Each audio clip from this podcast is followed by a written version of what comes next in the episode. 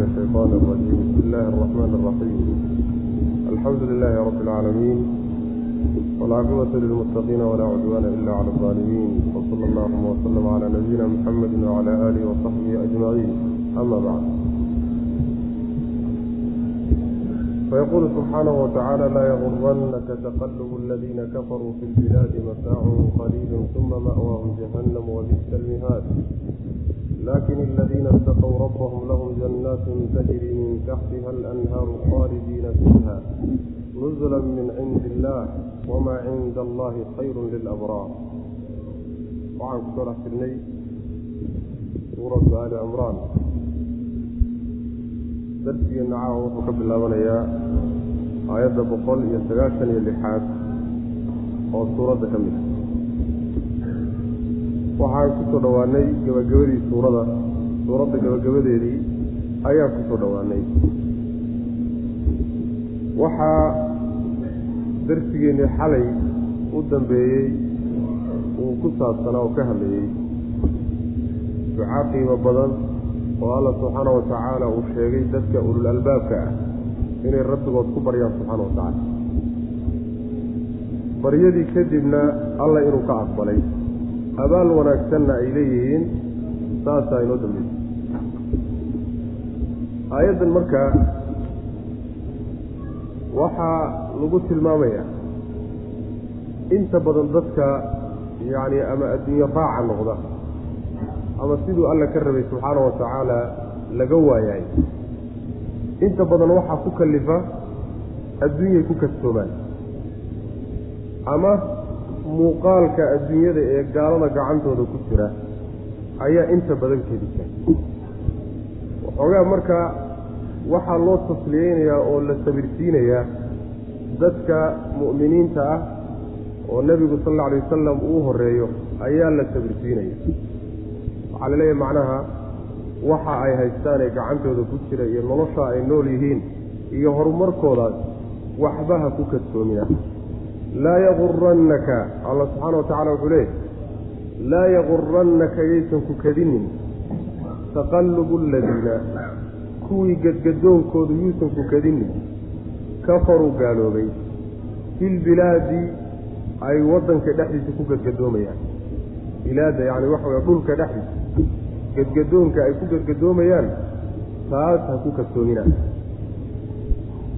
mataacun wey kuwa gadgadoonkaas mataacun waa raaxo iyo alaab qaliilin oo yar oo xoogaa yaroo raaxa wa uma markaa kadibna ma'waahum xeradoodu iyo gurigoodu jahannamo wey wa bi'sa alla xumaayay almihaadu gogoli xuma.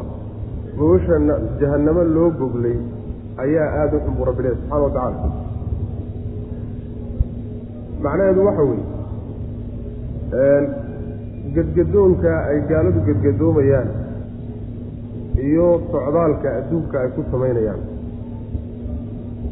Iyagoo markaasi ama ganacsi ama shaqo ama horumar iyo teknolojiye ay gaadheen gadgadoonkaa u samaynaya.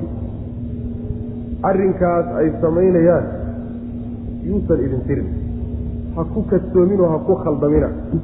Oo hamoodina waxoogaagaas gacantooda ku jiraay in ay yacni sababka loo siiyey ay tahay waxa ay ku sugan yihiin inay sax ku yihiin.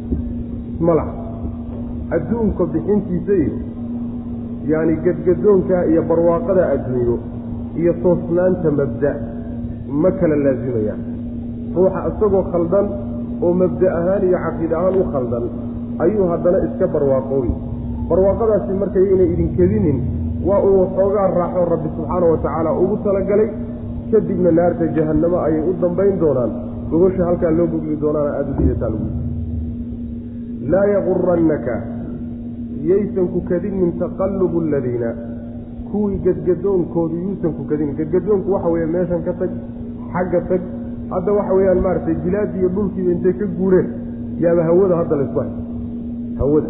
Sheegashooyin bayba sheeganayaan oo hadda inay meelo kale iyo xidigo kale iyo dayax iyo dhulkaa inay tageen ayayba sheeganayaan waxaas iyo gadgadoonka isaga ha ku kasoomi nimanku mabda' la'aan baa haysa waxba gacanta kuma hayaan. Waxaasina waa wax yaro maalmaha ay nool yihiin oo ay waxbidayaan kadibna waa ka tegi doonaano midii xaqiiqiga ahayd bay u tegi doonaanoo jahannamo macnaha gelitaankeeda.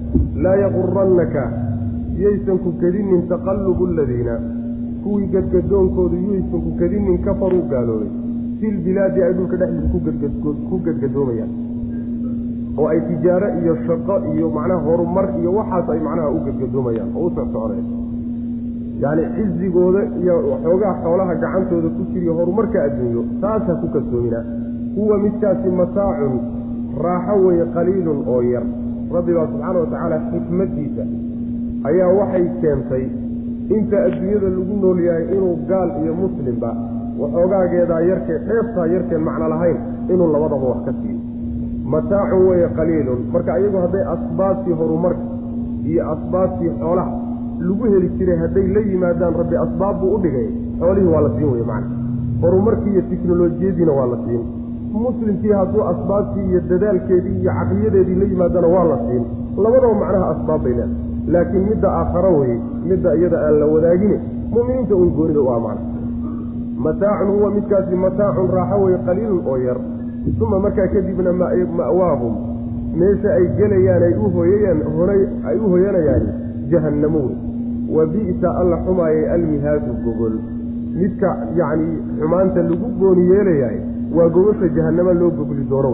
Midaasaa aada u liida suura rabbilihi subxana wa tacala laakin aladiina itaqow rabbahum lahum jannaatun tajri min taxtiha alanhaar khaalidiina fiiha nuzula min cindi illah wamaa cinda allahi khayrun lilabraar shayga yaani mudan marka in tixgelin aada siisaan oo aada ku dadaashaan haddaad yacni tartamaysaanna aada tartan u gashaan ma aha waxoogaaga gacantooda ku jire waa midka wey laakin aladiina laakiinse kuwa istaqow cabsadeen rabbahum rabbigood ka cabsaday lahum waxay leeyihiin jannaatun jannooyin bay leeyihiin jannooyinkaasoo tajri ay qulqulayso min taxtiha hoosteeda yacni geedaheeda iyo guryaheeda hoostooda waxaa qulqulaya alanhaaru wabiyaal baa qulqulay khaalidiina xaalay yihiin kuwa ku waaraya fiiha iyagoo weliba ku waarayo weligood aan ka baxay. Nuzulan martiqaad xaal uu yahay oo min cindi illaahi ilaahay agtiisa ka ahaa yacni arrinkaasina waa martiqaad alla subxaana wa tacaala uu ku martiqaadayo wamaa cinda allah waxa ilaahay agtiisa ah ayaana khayrun u khayr badan lilabraari dadka akhyaarta ee rabbi subxaana wa tacaala ateeca saalixiinta mid waxa ilaahay agtiisa yaalla u khayr badan. Haddii la yidhi birbiriqa adduunyada gacantooda ku jira ha ku kasoominoo wax hamoodina oo mabdi'iinni iyo caqiidadiinni iyo aakhiradiinna ha dhaafsaninoo ha ku doorsanina midda mudan in aad ku dadaashaani waxa weeye waa middan dadka muttaqiinta ilaahay u dhigay wey subxana wa tacala oo maxay tahay? Dadka muttaqiinta ilahay agtiisa jannooyin bay ku leehay jannooyinkaasi tilmaantooda waxa weeye geedahooda iyo guryaha hoostoodaba fooqaqooda hoosta waxaa qulqulaya wabiyaal kala gedisan oo noocyo badan leh. Arrinkaasina waa martiqaad ilaahi subxaana wa tacaala uu u fidiyey dadka nusulka waxaa la yidhahda dadka aad aada u jecesha dadka aada jeceshahay weliba qiimaynaysa sida wufuudda oo kale iyo madaxda iyo yacni martiqaadka loogu talagalaan nusul la yidhahda marka waa martiqaad rabbi u fidinayo subxaana wa tacaala sidaas weeyaan. Waxa ilaahay agtiisa yaalla ayaana wuxuu u fiican yaho u khayr badan yahay dadka abraarta wuxuuna uga khayr badan yahay adduunka iyo wax lagu haysto. Waxaa uga khayr badan. Waxa ilaahay agtiisa yaallay jannadiisa macna laakiin aladiina kuwase istaqow cabsadeen rabbahum rabbigood ka cabsaday lahum waxaa u sugnaaday jannaatun jannooyin baa u sugnaaday. Jannooyinkaasoo tajri ay qulqulayso min taxtiha hoosteeda min taxti min taxti qusuuriha wa ashjaariha. Alanhaaru wabiyaal ayaa qulqulay khaalidiina iyagoo ku waaraya fiiha dhexeeda ku waaraya nuzulan martiqaad xaal uu yahay arrinkaas oo min cindi illaahi ilaahay agtiisa ka ah. Wamaa cinda allaahi waxa ilaahay agtiisa ee khayr iyo wanaag ah ayaana khayrun u khayr badan lilabraari dadka saalixiinta akhyaarta ilaahay diintiisa ku toos dadka iyaga waxaa u wanaagsan oo adduunka uga fiican waxa ilaahay agtiisa u yaalla subxaana wa tacala dadka laakiin aan abraarta ahayn ayaga waxa weeyaan adduunka intay joogaan bay roon yihiin. Hadday adduunka ka tagaan aakhara cadaab baa u dambeeya sida nabigeennu salawatullahi wasalaamu caleyh uu leeyahay adduunyadu waa sijnu lmu'min mu'minkay macnaha xabis u maunteeda yacni wa jannatulkaafir gaalkana waxay u tahay barwaaqo iyo jannay u tahay. Maxaa yeelay macnaheedu ma aha mu'minka. Adduunyada waa ka xidhxidhan yahay oo barwaaqadeeda waxba kaga raaxaysan maayo lagama wado laakiin waxaa laga wada. Wuxuu adduunka ku haysto intay doonba ha dhannaatee iyo waxa aakhare u yaalla marka laysgarab dhigahay adduunka wuxuu noqonayaa si lagu xidhan oo xabis lagu xidhay saasoo kale noqonaya u yaalla marka loo laakiin gaalka waxa aakhare u jiray cadaab iyo ciqaab ah iyo tuu adduunka ku haysto marka laysu fiiriyo habka barwaaqiya maxaa yeele xagga markuu wa ina min ahli lkitaabi mar hadday sidaas tahay marka adduunka ha ku gastoomin oo ha dooranine aakhara doorta way marka meeshaasaa meel macnaha waxa weeyaan dad caqlila ay u tartamaan oo ay doortaan. Waina min ahli lkitaabi laman yu'minu billahi wama unzila ilaykum wama unzila ilayhim. Khaashiciina lilahi laa yashkuruuna biaayaati illahi samanan qaliila ulaa'ika lahum ajrun cinda rabbihim ina allaha lxisaab halkana alla subxaana wa tacala wuxuu kaga warramaya ahlulkitaab ahlulkitaabkii haddii aada loo soo dhaleeceeyey oo yahuud iyo nasaaraba leh ayaa alla subxaana wa tacaala wuxuu sheegaya koox ahlulkitaab ah oo ceebihii lagu soo sheegay iyo wixii eed loo soo jeediye oo dhan aan la qabin oo iyagu fiican oo kooxdii nebiga rumaysay ee salawatullahi wasalaamu caleyh yahuud aha asalkood ama nasaaro ahaa kadibna nebigu markuu yimi salawatullahi wasalaamu caleyh rumeeyey. Qoladaasaa ammaan gooni a loo jeedinaya iyo abaalkay rabbi agtiisa kuleeyihiinna la sheegaya. Waxaa ka mid a cabdullahi bn salaami najaash boqorkii macnaha waxa weeyaan xabashada yani waxa weya melikulxabasha oo nasraani ah kadibna nebiga sal alay wasalam rumeeyeysaana ku dhintay yani rag noocaas oo kale. Wa ina min ahli lkitaabi ahlilkitaabka ayay ka mid yihiin. Laman yuminu kuwa rumaynaya laman cid yuminu rumaynaya billahi ilaahay rumaynaya cid ilaahay rumaynaysa ayaa ahlulkitaabka ka mid iyo wamaa shay rumaynaya unzila la soo dejiyey ilaykum idinka laydinku soo dejiyo kitaabka qur'aanka wamaa shayna way rumaynayaan unzila la soo dejiyey ilayhi iyaga lagu soo dejiyey kutubtii iyaga lagu soo dejiyeyna way rumeeyeen khaashiciina iyaga oo khushuucsan lilaahi ilaahay ayagoo isu dullaynaya oo u tadarucaya ayay kutubtaa rumeeyeen laa yashtaruuna ma ay iibsanayaan biaayaati illaah ilaahay aayaadkiisii towreed iyo injiil ku yaalay ma dhaafsanayaan samanan lacag ma dhaafsanayaan qaliilan oo yar sida qolyihii kale lagu soo eedey arrinkaa isagaa iyagu ma qabaan ulaa'ika kuwaas lahum waxaa u sugnaaday ajruhum abaalgudkooday leeyihiin cinda rabbihim rabbigood agtiisay ku leeyihiin ina allaha alle sariicu lxisaabi xisaabtiisu miday deg deg badan tahay. Ahlulkitaabka waxaa ka mida koox. Ilaahay rumaysay. Kitaabkii iyaga idinka laydinku soo dejiye oo qur'aanka ana rumaysay oo nebi maxamed raacay sala allahu alay wasalam iyaga kitaabkii lagu soo dejiyeyna rumeeyey oo tawreed iyo injiil rumeeyey kutubtii ilaahay uu soo wada dejiye o dhan bay rumeeyey isla markaa haddana waa dad khaashiciin oo isla weynan kuma jira ilaahay bay isu dullaynayaano mar walba ay u khusuucsan yihiin macna.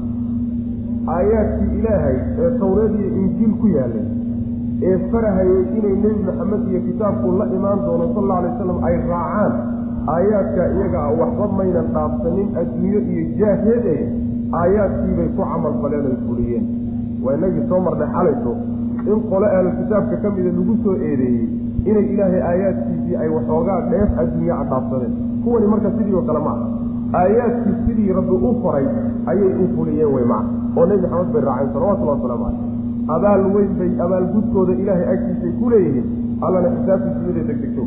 Qolyaha iyaga yani laba abaalgud bay leeyihiin laba ajri bay ilahay agtiisa ku leeyihiin subxaana wa diintii hore ay rumaysnaayeen ay ku dhaqmi jireenna ajri bay keenaya tan dambe ee nebi maxamed raacaan salawatullahi wasalaamu caleyhna ajri bay ku leeyihiin dadka labada ajrile bay ku jiraan. Dadka waxaa jira dad laba ajrile oo nabigeennu uu sheegay salawatullahi wasalaamu calayhi mid ka mid ay yihiin macna. Wa ina min ahli lkitaabi ahlulkitaabka ayay ka mid yihiin. Laman yuminu laman cid ayaa ka mida ahlulkitaabka yuminu rumaynaya billaahi ilaahay rumaynaya wamaa shayna way rumaynayaan unzila la soo dejiyey ilaykum idinka mu'miniintii oo laydinku soo dejiyey oo macnaha waxa weeye kitaabka qur'aanka. Idinka kii laydiin soo dejiyo qur'aanka ahaana way rumaynayaan. Wamaa shayna way rumaynayaan unzila la soo dejiyey ilayhim iyaga loo soo dejiyey oo kutubtii hore tawreed iyo injiil ahayd. Khaashiciina xaalay yihiin kuwo khushuucsan lilaahi ilaahay u khushuucsan ayay arrinkaa rumaynayaan. Laa yashtaruuna ma ay iibsanayaan biaayaati illaah ilaahay aayaadkiisii tawreed iyo injiil ku taalay ee faraysay inay nebi maxamed raacaan sala allahu alay wasalam ma ay ku bedelanayaan oo kuma iibsanayaan? Samanan dheef kuma iibsanayaan qaliilan oo yar. Adduunyo ma dhaafsanayaane? Siday taabay u fulinayaan. Ulaa'ika kuwaas lahum waxaa u sugnaaday ajruhum abaalgudkooda u sugnaaday. Cinda rabbihim rabbigood agtiisay ku leeyihiin ina allaha alla sariicu lxisaabi xisaabtiisu miday deg badan tahay. Waxaynu soo marnay ilaahi subxaana wa tacaala wuxuu inoo soo sheegay wa min ahli lkitaabi man in ta'manhu biqinطaarin yu'addihi ilayka wa minhum man in ta'manhu bidinaarin laa yu'addihi ilayka ila maa dumta calayhi qaa'ima ahlulkitaabkiyaa macnaha la soo qeybiyey.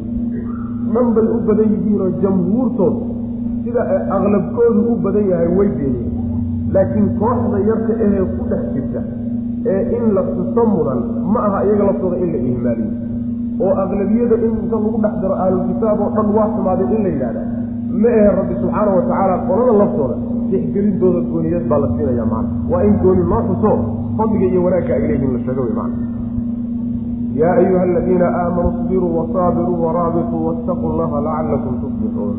Markii intaasoo dhan laga soo hadlay aayaddu aad waxay uga hadasha oo suuraddu ka soo hadlaysa ama yacni dhibaatooyinka ay ku hayaan ahlulkitaabku muslimiinta ku hayaan. Ama dagaallay ka soo hadlaysa in badan bay sabirka inugu soo booriday. Waxaa lagu gebagabaynayaa marka aayadda inay dardaaran rabbi subxaana wa tacaala uu u dardaarmayo dadka mu'miniinta. Yaa ayuha aladiina kuwa aamanuu allihii xaqa rumeeyeyow isbiruu sabra adkaysi yeesha oo wasaabiruu gaalada gaalada la sabitama oo waraabituu fardaxidha la fardaxidha oo wattaquu llaha alla ka cabsada lacallakum tuflixuuna si aada u liibaantaan isbiruuda waxaa laga wadaa. Yacni sabirka noocyadiisii oo dhan baa laga wadaa. Oo macnaha waxa weeyaan daacada iyo takaaliifta rabbi ku sabra. Qadarka iyo qadaha ilaahay dushiina ku dhacayana ku sabra. Macaasida rabbina ka sabra oo naftiina ka celiya. Sidaas way nafta ka xakameeya saabiruuda waxaa laga wadaa calaa wasni faacala wey macnaha dagaalka iyo adkaysigiisa gaaladu yaysan idinka badin yacni kula tartama adkaysiga iyo sabirtanka.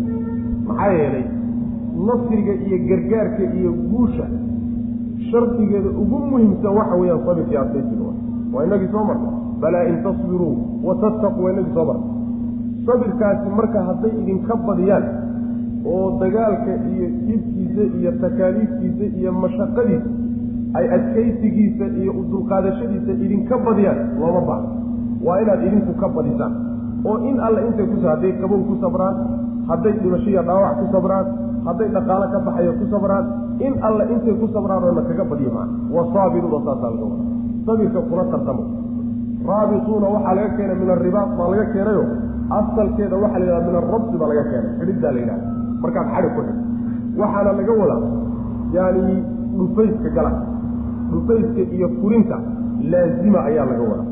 Meelaha kunkoraha ah ee dariishadaha ahee islaamka laga soo geli karo halkaa laazima oo macnaha ku fardaxidha ila waagii hore yaani tiknikada lagu dagaalgeli jira waxay fardahay ahayd.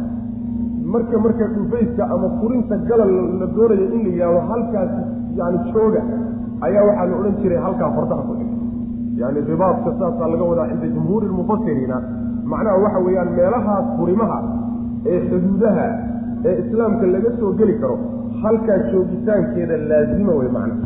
Farda xidhashaana laga cabirayo tiknikadii waagaa lagu dagaalami jiray baa iyada ahayd oo meeshaa inay farduhu ku xidhnaadaan baa macnaha caadi ahayd. Saasaa laga cabira mufasiriinta qaar ka mida waxay leeyiin raabituuda waxaa laga wadaa oo ribaadka isagana ku soo aroortay nusuusta sharciga sida axaadiista nebiga sal alay wasalam waxaa ku soo aroortay salaada salaada oo la sugo intay salaadu ka imaanayso u fadhido oo sugtaa iyadana ribaad baa la yidhahda laakiin midda halkan laga wado waxaa laga wadaa jihaadkii baa laga wada farda xidhashada xagga ah ee furintii iyo macnaha waxa weye goobtaasoo la joogo oo la laazimo ayaa laga wada macna. Sidaas weya fadli fara badan buuna nabigeenu ku sheegay sal alay wasalam yacni ruuxii neef xoolaa intuu xisimo oo inta macnaha mar la liso mar labaad intay candhadiisa caana soo gelayaan muddo gaaban muddadaasi ruuxii ribaad sameey ama maalin keliyata ruuxii ribaad sameeya alla subxaana watacaala wax weyn buu u ballantaa. Yacni waxay ka mid tahay meelaha macnaha waxa weye fadliga weyn laga raadi ayay ka mid tahay. Yaa ayuha aladiina kuwa aamanuu alla rumeeyow isbiruu sabra oo adkaysi iyo dulqaad yeesha. Takaaliifta sharciga iyo qadarka ilaahay iyo qadihiisa iyo macaasida ka sabra oo iska daaya. Wasaabiruu la sabirtama oo gaalada kula tartama adkaysiga iyo dulqaadka takaaliifta dagaalka aad u dulqaadataan iyo dhibka idinka soo gaadhay taa kula tartama. Waraabituu yacni sufayska gelitaankiisa iyo furinta laasimitaankeeda iyadana kula tartamo iyadana macnaha waxa weeyaan yayna idinka badin. Waraabituu la farta xidha. Raabituu farta xidha oo meeshaa ku diyaarsada tiknikadiin iyo waxaad ku dagaalame ku dagaalgeli lahaydeen laazima meeshaas yani waxa weye furinta ah ee muslimiinta laga soo geli karo. Wattaqu llaha alla ka cabsada lacallakum tuflixuuna si aad u guulaysataan si aad u liibaantaan oo liibaan aad u gaadhaan. Macnaheedu waxa weye arrimahaa la soo sheegay baa waxay u yihiin furo iyo sabab bay u yihiin liibaan.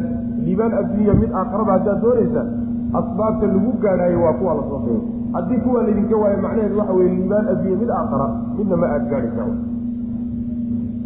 halkaas ayaa macnaha waxaan ku soo gabagabaynay ama inaga soo dhammaatay suuratu ali cimraan waxaan halkan ka gelaynaa tafsiirka suuratu annisa suuratu nisa baa lagu magacaabay suuradda.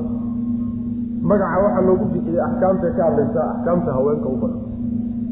Waxaa la yidhahdaa weliba yani suuratu nisa oo kale suuratu alaaq suuradda la yidhahda ayadana suuratu nisa baa la yidhahda tan waxaa la yidhahdaa suuratu nisa suuraddii haweenka ee weyney maxaa yeele axkaamta ay ka hadlayso in badan oo ka mid a haweenka wey taasina sidoo kaleeto haweenkay aada uga hadashay.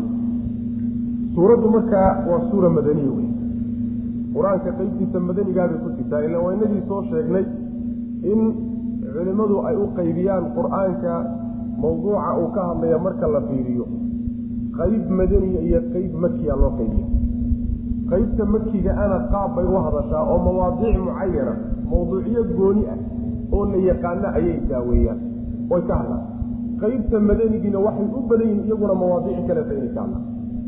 Waxaynu soo sheegnay inta badan suwarka makiga ah suuradaha makiga ah yacni in ay ka hadlaan tawxiidka iyo usuusha diinta masalan risaalada iyo qisaskii ambiyada iyo yacni bacdi caqiidatu lbacdi wanushuur iyo tawxiidka qaybihiisa iyo meelahaasay ka hadasha baynamaa aayaadka makiga ah madaniga abaan ka wada inta badan ay u badan yihiin inay axkaamta sharciga ka hadlaan waa u badan yihiin mooyaane suwarka makigaana axkaam sharciga waa ka hadlaan suwarka madanigaana yani tawxiidka iyo usuusha diinta ayaguna waa ka hadla laakiin tanna dhankanay u badan yihiin tanna dhankana u badan saa baa laga wadaa madanigana waxaa la yidhaahdaa qowlka ugu raajixsane culimadu ay leeyihiin madaniga waxaa la yidhahdaa waa qur'aankii soo degey intuusan nabigu intuu markuu nabigu soo hijrooday sal alay slam kadib makigana waxaa la yidhahdaa qabla alhijra qur'aanka soo degey intuusan nabigu soo hijroonin qur'aanka soo degay makigaa la yidhahda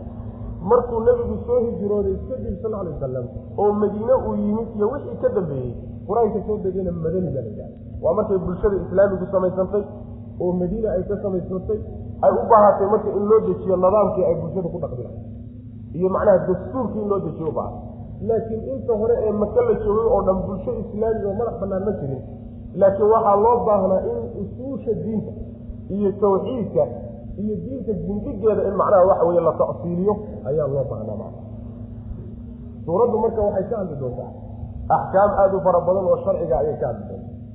Sidaan sheegnayba tawxiidka way taaban. Weliba waxay la doodi doontaa ahlulkitaab yahuud iyo nasaarada aad baa loola doodi doonaa sida suwarkii aan soo marnayba aan ku soo marnay. Ayagoo macnaha waxa weeye suuraduhu ahaa khaasatan baqara ayadoo ahayd suura madaniya ayay haddana waxa weeyaan qayb weyn waxay siisay dooda ay la gashay ahlulkitaabka iyo caqaa'idoodi faasidka ah waxaa ka mid a waxyaalaha ay ka hadli doonto suuraddu oo axkaamta ah oo weliba ay u badan doonto axkaamta qoyska. Qoyska iyo sida loo dhiso marka hore ismihiisa iyo marka la dhiso kadib nidaamku ku socda xuquuqday haweenaydu leedahay ninkeeda ku leedahay iyo xuquuqda ninku uu leeyahay ee haweenaydiisa uu ku leeyahay.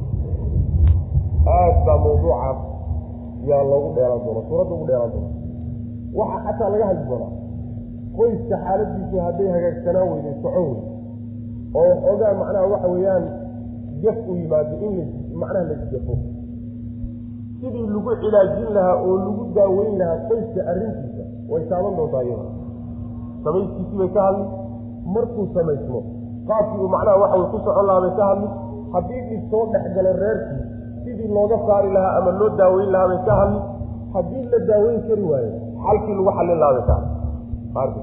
Waxaa kaleeto aada iyo aada suuraddu uga hadli doontaa xuquuq fara badan oo haweenku ay ay leeyihiin oo jaahiliyadu ay ku xadgudubtay islaamkuna uga garsooray ayay suuraddu aada uga hadli jaahiliyadiina dhib badan baa haweenka lagu hayayo cunsur la liido oo aada iyo aada xuquuqdiisa loogu tunto ayay ahaan jireen maantaba siday u yihiin bulshooyin yani bulshooyin fara badan dhexdooda marka xuquuqdaasuu islaamku u soo riday wuuna uga garsooray jaahiliyadii jirtay iyo xumaanta samayn jiray aad baynu qaybaha ugu tegi doonaa insha allahu tacala idan waxaa kaleeto si faahfaahsan ay suuraddu uga hadli doontaa meel kaleeto oo sidoo kale loogu faahfaahiyo qur'aanka ka midana aysan jirin waxaa la yidhaahdo dhaxalka.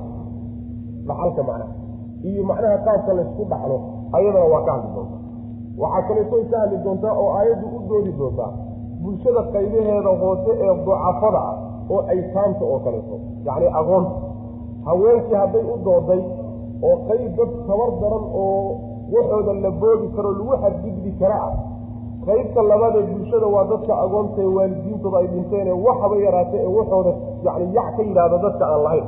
Dadka iyadana way u doodayo aad bay suuraddu uga hadli doontaa weliba qaybaheeda hore agoonta iyo xoolahooda laga hadli doonta kadib markii sidaa looga hadlo waxay u gudbi doontaa bulshada bulshada iyo wada noolaanshaheeda yani waxa weye ixsaan iyo yani tasaamux iyo walaaltinimo iyo wax istarid iyo yani iyay bulshadu saa ku wada noolaato ayay iyadana macnaha u gudbi doonta waa laga gudbi doonaayo waxay ka hadli doontaa oo waxyaalaha ka hadli doonta ka mid a dowladda islaamka iyo maamulkeedana way taaban. Yani bulshadii baa la dhaafay dowladdana waa laga hadlay. Waxaa kaleetoy ka hadli doontaa suuraddu yani bulshooyinka kale ee gaalada iyo calaaqaadka la samayn laha dowladaha kale ee gaalada iyo calaaqaadka la dhex mari kara ama duwal muwaxid muxaayida ha noqdeen. Dowlada aan dagaali naga dhexaynin ama duwal mucaadiya ha noqdeenoo markaasi xabadda suukaysa miday dooniba ha noqdeene calaaqaadka aan la samayn karnana waa kaas. Waxay ka tagtay marka m waxalla waxay suuraddu dhaafi doonto axkaama waabay ka yihiin macna. Nudumka iyo qawaaniinta ayay marka aayaddu ay suuraddu cilaajin doontaa. Islaamku wuxuu ka qabayna macnaha waxay ku cilaajin doonta waxaa kaloo aada ugu faahfaahin doontaa ugu taagtaagsan doontaa jihaad. Jihaad. Oo ka mida qayb calaaqada annaga iyo bulshooyinka kalena dhex marka.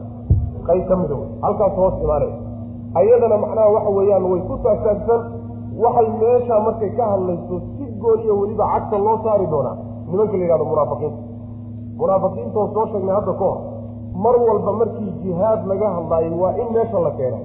Ayay macnaha waxa weeyaan si gooniya farta loogu fiiqi doonaa iyagana. Axkaamtaasi meeshaasmeeshoodaan ugu tegi doonaa insha allahu tacaala si gaaban ayaan macnaha waxa weeyaan inaan xusno u jeclaanay haddana suuraddii horoo bilaabatay. Bismi illaahi araxmaan araxiim yaa ayuha annaasu itaquu rabbakum aladii khalaqakum min nafsin waaxida wa khalaqa minha zawjaha wabasa minhuma rijaala kasiira wanisa'a waataquu allaha aladii tasaa'aluuna bihi waalarxaam ina allaha kaana calaykum raqiiba. Yaa ayuha annaasu dadow istaquu cabsada rabbakum rabbigiin ka cabsado cadaabkiisa iska jira alladii allahaasoo khalaqakum idin abuuray. Min nafsin naf idinka abuuray. Naftaasoo waaxidatin keliya. Naf keliya idinka abuuray. Oo wa khalaqa abuuray minhaa naftii xaggeeda ka abuuray zawjaha xaaskeedii ka abuuray. Naftii xaas buu uga abuuray. Iyadii baa xaaskeeda laga abuuray. Oo wabasa firdhiyey minhumaa. Naftii iyo zawjkii laga abuuray xaggooda wuxuu ka firdhiyey rijaalan rag kasiiran oo fara badan iyo wa nisaa'an haween kasiiran oo iyaguna fara badan. Rag iyo haween aada u fara badan baa waxay ka tarmeen oo ka firdheen ninkii yani naftii la abuuray iyo xaaskii laga abuuray. Waataqu llaha alla ka cabsada alladii allahaasoo tasaa'aluuna aada wax isku weydiisanaysaan bihi isaga. Allaha aada magiciisa wax isku warsataan midkaa isagaa ka cabsada. Waalarxaama qaraabadana ka cabsadoo iska jira. Macnaha qaraabadana ilaaliya oo xaqooda dhowroo xidhiidhiya. Ina allaha alle kaana wuxuu ahaaday raqiiban mid ilaaliye ah calaykum dushiina mid idinka warhayo idinla socdo idin og weye rabbi subxaana wa tacaala. Waxaa lagu bilaabay baab guud oo loo jeedinaya dadkao dhan. Yaa ayuha annaas hadalkaasi wuxuu u dhacayaa dadka oo dhan kuwa markaa jooga iyo kuwa dib ka imaan doonaba maxaa yeelay labadooduba waa mukalifiin wey takliiftan aayaddu ay ka hadlayso way macnaha waxa ayaa samayn taqwada waxaa looga loogu bilaabay marka. Suuradda waxaa lagu bilaabay ittaqu llaha sababku waxa weeye oy culimada qaar ka mida iftiininayaan iftiiminayaan taqwada waxaa la yidhaahdaa wixii yacni ilaahay kaa reebayna inaad ka tagto wuxuu ku faraynay inaad la timaado. Aayadduna waxay ka hadli suuradduna waxay ka hadli doontaa waxna iska daayaa la odhan doonaa bulshadiiyow oo daayo ilaahay idinma ogolo waa manhiyaad waxna waa ma'muuraadoo waa laydin faraya sameeyo taqwadaasaa marka gogol dhig looga dhigayo ilaahay ka cabsado wuxuu idin fari doone suuradda ku imaan doonana fuliya wuxuu idinka reebi doonana ka hadha wey macna. Saasaa marka loogu bilowdayo waa macnaha waxa weye gogolxado rabbigaa isaga rabbigaasaa marka la soo til la sii tilmaamay macnaha waxaa la sheegay asbaabta idinku kalifaysa inaad rabbigaa ka cabsataan inaad ka cabsataan buu mudan yahayo maxaa yeelay nicmooyin waaweyn buu idin galay. Nicmooyinkaasoo uu ku mudan yahay rabbi subxaana wa tacaala inaad isaga ka cabsataan. Maxay nicmooyinkaas? Naf keliyuu idinka abuuray. Isagaa naf keliyu idinka abuuray. Naftaa waxaa laga wadaa waa aadam. Aabbaheen aadam weye abulbashar basharkao dhan aabbahood laga wada abuuray ayaa laga wadaa min nafsin waaxida naftaa markii la abuurayna iyada lafteeda waxaa laga abuuray zawjkeedii zawjka waxaa laga wada xaas. Xaaskii naftaasi ay yacni waxa weeye haweensan lahayd ee xaaska u ahaydna ayadaa laga abuuray. Markaa kadibna labadooda dhexdooda waxa ka tarmay oo ka firdhay rag aad u fara badan iyo haween badan. Yacni waxa weye waa taranka ibni aadamka markaa kadib aadam iyo xawo markii la abuuray ayaa kadib wuxuu cuskaday ibni aadamka abuurkiisa iyo tarankiisu haweeney iyo nin isu galmooday. Saasay marka macnaha waxa weye taranku ku socda. Markaasaa haddana waa lagu laabto waxaa la yidhi allaha isaga a ka cabsada waxaad ka cabsataan allaha aad wax isku weydiisanaysaan tasaa'aluuna bihi. Waxaa laga wadaa ruuxa markaad doonayso inaad beerlaxawsato oo aad waxa aad doonayso iyo dalabkaaga inaad ka hesho aad doonayso yani ilaahay baa wax kugu weydiisanayaa baad as'aluka billaah ilaahay baa wax kugu warsanaya ee alla dartii wax igu sii. Ama waxaad leedahay anshuduka billaah ilaahay baan kugu dhaarinayaa waxaa iyo waxaa isii allahaa marka aad danihiinna ku gaadhaysaan oo magaciisa aada adeegsanaysaan oo masaalixdiina aad ku gaadhaysaan midkaa isagaa ka cabsada maana arxaamtaas ayadana waxaa laga wadaa aqaaribtaa laga wadaa qaraabada waxayna ku cadfan tahay. Wattaqu llaaha lafduljalaalahay ku cadfanta wattaqu larxaama arxaamta iyo qaraabada. Ama ha noqdo dadka casabada la yidhaahdo. Ama ha noqdo dadka xididka ee xagga macnaha waxa weeyaan yani haweenayda iyo ama xagga hooyaha ka yimaadeen ama xag aabba ha ka yimaadeen dadka qaraabada kula baa laga wadaa. Yani arxaam baa la yidhahda ayagana macnaha waxa weeye ka cabsadeeda waxaa laga wadaa iska ilaaliyo oo xuquuqdooda ha ku xadgudbina ilan qaraabadu xuquuq bay leeyihi waxaa lagaa doonayaa oo lagu farayaa marka inaad xidhiidhiso qaraabadii. Sidaa daraaddeed ayaa marka waxaa ku soo aroortay nusuus aada u fara badan qaraabada iyo xuquuqday leeyihi ilaa qaraabadii kow waxaa ka noqon doona hooyadii iyo aabbihii baa kow ka noqon doona. Ilaa akhiri markaa kadib macnaha waxa weeyaan qaraabada intoodii kale uma adnaaka adnaaka ayay issoo raaci doonaan macna marka rabbi subxaana wa tacaala xaqkiisii markuu sheegay ayuu markaa kadib xaqul aqaarib ku xejiyey in badan oo aayaadka ka midana macnaha isaga way adeegsadaan macna in badan buu rabbi subxaana wa tacala u adeegsaday marka allaha aada wax isku weydiinaysaan yacni ka cabsada wax isku warsanaysaan magaciisa waxaa isku weydiisanaysaan qaraabada iyo xigaalkana xaqiisa ilaaliya oo ha goyninoo ha xumaynina. Wixii xaqa idinku leeyihiinna bixiya oo siiya way macna marka nabigeena sal alay wasalam waxa uu sheegay rabbi subxaana wa tacaala markuu aadam abuuray xawa oo laga wado wa khalaqa minha zawjaha. Xawo ayuu rabbi ka abuuray aadam. Weliba waxaa laga abuuray feedhihiisa midda ugu qallooc badan baa laga abuuray. Feedhaasaa rabbi ka abuuray subxaana wa tacaala markii laga abuurayna xaaskiisii bay noqotay. Xaaskiisa markay noqotayna caruurtii aadam uu dhalay baa meeshaa ka tarmay. Kadibna ibni aadamku tarankiisu saasuu ku socday macna saasuu nabigu sheegay salawatullahi wasalaamu calayh in xaawo aadam laga abuuray sida macnaha aayadduba ay muujinayso macna sidoo kaleeta nabigeena sal alay wasalam wuxuu leeyahay laa yadkulu ljannata qaaticu raxim ma uu galo jannada ruux qaraabogoys qaraabogoysku jannada ma gala buu nabigu le sal alay wasalam bal wuxuu leeyahay oo xadiid kaleetoo nebi ka sugan uu leeyahay rabbi baa subxaana watacaala hadlay xadiid ulqudsi wuxuu leeyahay aniga raxmaan baa lay dhahaa magacayga raximka iyo qaraabadana anaa abuuray. Magacayga raxmaan ah ayaan magac uga jeexay oo raxim baa iyadana la yidhaahdaa ana raxmaan baa la ydhahaa magacaygaan magac uga jeexay.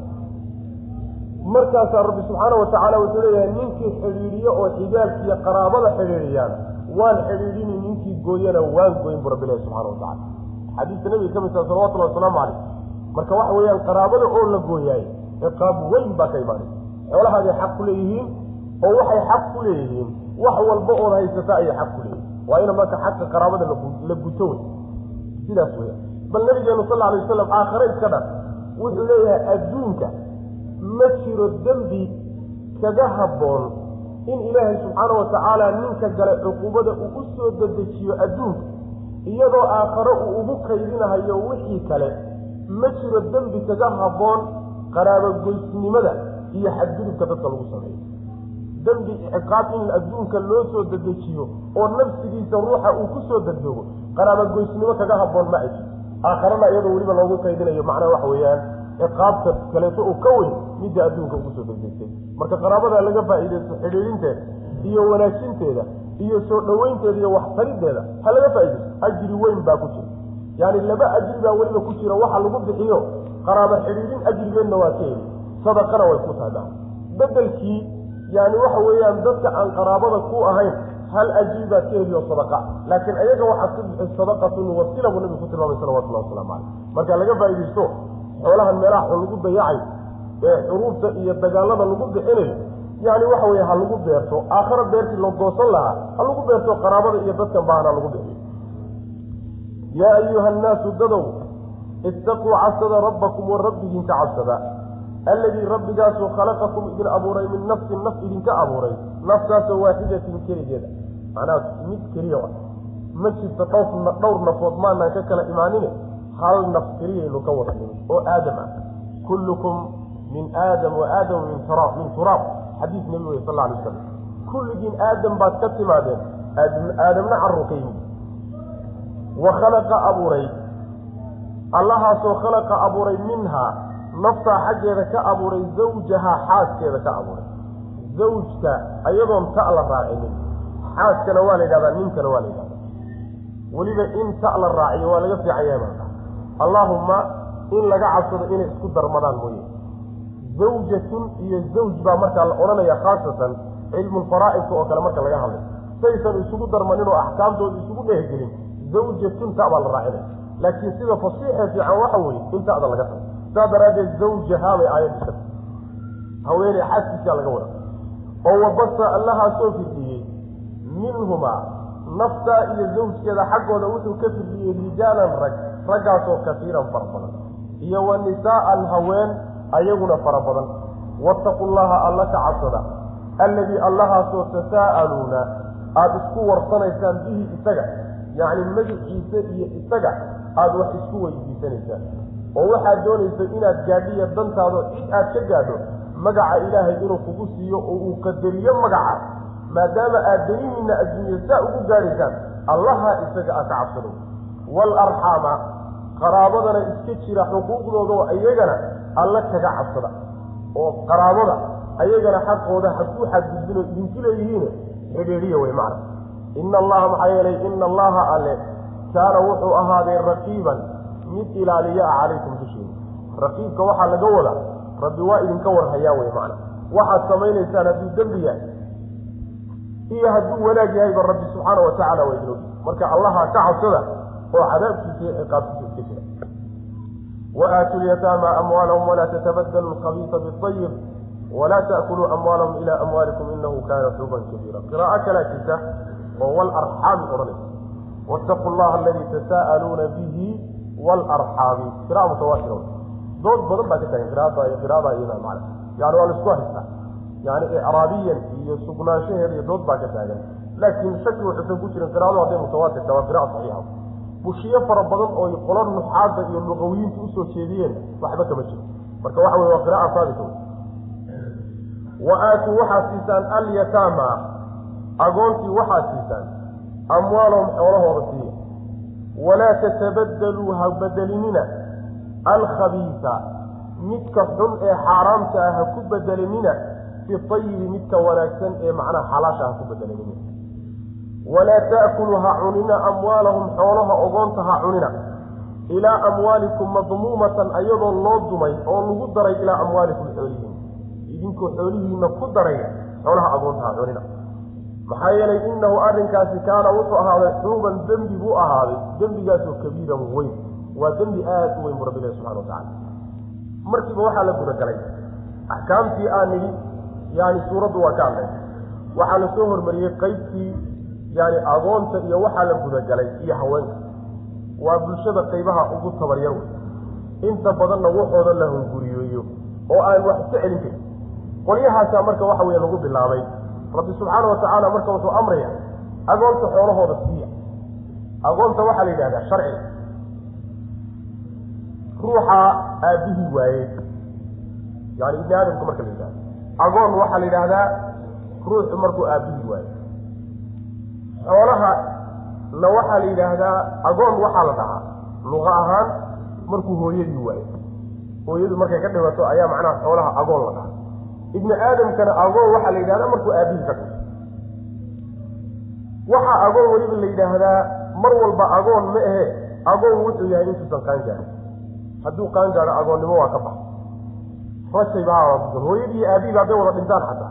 Oo uu qaan gaadho agoonna ma aha rajayna maaha saas way maana sharciga masalada iyada oo agoon inuu ka baxayo hadduu qaan gaadho axkaamtii agoonnimada uusan qaadanaynin yani waa ijmaac culimadoo dhan baa isku waafaqsan masle la isla diidan yahay maa maana sidaas wey sidaan inaga rumaysannahay ma waxaad arkaysaa labaatan jir soddon jir laleeyahy waa agoon saas arkaysa saas isaga taqaan aabihii mar hadduu dhinto afartan hadduu jira xataa waa agoon buu yahay maana saas maa marka agoonta xoolahooda siiya hadalka ayaa loo jeedinaya hadalkaa waxaa loo jeedinayaa dadka agoonta mas'uulka ka ah dadka mas'uulka ka ah agoonta xoolahooda ama qaraabaha la ahaadeen ama mid aabbahood kala dardaarmay oo hayo waxooda ha ahaadeen qolyahaasaa lala hadlay. Waxaa la leeyahay agoonta waxooda siiya. Xoolahooda siiya macnaha saasaa la leeyahay. Laba macnoba in laga wado waa suurtagal oo mufasiriintu way sheegaan. Macno inuu yahay xoolahooda aada gacanta ku haysaan xoolahooda aada gacanta ku haysaan eed mas'uulka ka tihiin ka nafaqeeya. Oo waxay uga baahan yihiin oo biilkoodii yacni nafaqadooda iyo marashadooda. Ma ujeeda waxay cuni lahaayeen iyo waxay xidhan lahaayeen iyo meeshay degi lahaayeen ka siiya saa in laga wado waa suurtagal macno kalea looga badan yahay oo mufasiriintu uga badan yihiino waxaa laga wadaa wa aatu lyataama amwaalahum. Agoonta xoolahooda mulkisiiya oo ku wareejiya iyaga ha ka haysanin. Macnaha dambe haddii la yidhaahdo goorta lagu wareejinayo ee la siinayo shuruud bay leedahay shuruuddaa iyada ah waxay inoogu imaan doontaa aayaadka inoo soo socda insha allahu tacala wabtaluu lyataama xataa idaa balaguu nikaaxa fain aanastum minhum rushdan fadfacuu ilayhim amwaal aayaddaasaa qeydi doonta. Waa macnaha dambe. Haddii loola jeedo agoonta xoolahoodii faraha ka geliya oo mulkisiiya haddii laga wado ee aan laga wadin nafaqeeya xoolahaad u haysaan ka nafaqeeya aan laga wadin goorta la mulkisiinaya laba shardi baa loo xidhi doonaa. Shardiga koobaadi waxa weeye waa inay qaan gaadhaan. Oo nidha hadday qaan gaadhaan agoonba ma ah. Wa aasulyataama maxaa loo leeyahay yataamu agoon loogu tilmaamaya waxaa la odhanayaa yani biictibaari maa kaanuu calayhi baa markaa la odhanaya. Yani luqada carabiga waxaa la isticmaala shay mar hore la soo maray oo la soo gudbay ayaa shaya laga dhigayaa weli inay ku sugan yihiin. Fa ulqiya saxaratu sujadan oo kale ilahi subxana watacala suu yiri yani qoladii fircoon yani suxaradiisa ahaa markay sujuudeen oo sixirkii ay ka baxeen kadib ayaa rabbi wuxuu leeyahay suxaradii way sujuudeen. Marka ay sujuudeen suxaro maa laakiin markii hore waxay ahaan jireen ayaa magaciiba weli wataa haddana agoonnimaday ahaayeen bay wataan. Magacii iska xambaarsan yihiin mooye hadda agoon maa marka shardiga koowaad waa inay qaangaadaan shardiga labaadna waxa weeye waa inay yihiin dad macnaha waxa weye xoolaha maamulkooda garanaya caqligooduna uu dhammaystirmo oo xoolahooda waa inayna ku ciyaarayn labadaa shardi marka laga helo ayaa wa-aatulyataama amwaalahum. Xoolahooda marka mulkisiiyo faraha ka keliya labadaa shardi bay ku imaan doonta marka aayadda dambaad qaydi doonta haddii macnaha dambe laga wado. Ayib walaa tatabadalu alkhabiisa biayibi waxaa laga wadaa iyadana waxay samayn jireen jaahiliyadii. Xoolahooda iyo xoolaha agoonta way isku jireen. Markaasa waxay samaynayaan xoolaha agoonta kuwooda fiican kuwa shiris masalan kuwa qiimadgalka ah kuwa intay ka qaataan oo ka amaahdaan ama kalaba wareegaan ayaa waxay ugu bedeli jireen kuwo liito oo xunxun oo macnaha waxa weeyaan ama caato ah ama aan qiimo lahaynoo wax layska turay oo kale ah. Neef neef ahaanunbay ugu bedelayaan laakiin isuma dhigmaan. Marka waxaa lagu yidhi ka khabiiska ee xunka ah ee idinka idin xoolihiinna ku jiraay ha ugu bedelina midkooda wanaagsan. Oo kooda wanaagsan intaad ka qaadataan kiina xunka ha ugu bedelina macnahaasi waa macno. Ama meehe waxaa laga wadaa xoolaha agoonta oo la qaataayo waa xaaraam. Khabiiskana saasaa laga wadaa agoonta xoolahoodu waa khabiis haddaad xaqla-aan ku qaadataan waa khabiise khabiiskaas ha ku bedelanina xoolihiina xalaasha ee dayibka ah oo ha isku bedelina macna kuwiina ku kaaftooma oo cuna kuwiina dayib oo xalaal eh. Kuwa agoontana khabiis bay idinka yihiin oo idinma banaanee ha u dhowaanina. Macnahaasuna waa macno kale isaguna saxiixa marka ha isku bedelanin oo xoolaha agoonta iyo kiina ha isku bedelina kiina xunka ah kooda wanaagsan ha ku bedelina saasaa lagu yii walaa taakuluu amwaalahum ilaa amwaalikum iyadana waxaa laga wadaa yacni xoolahooda xoolihiina intaad ku dartaan saa ha ku cunina oo waxay iyadana samayn jireen. Intay isku dhex daraan oo xoolaha isku dhex foofiyaan ayay kadibna ayagu isku isticmaali jireen. Xoolahoodoo kale ka soo qaadi jireen.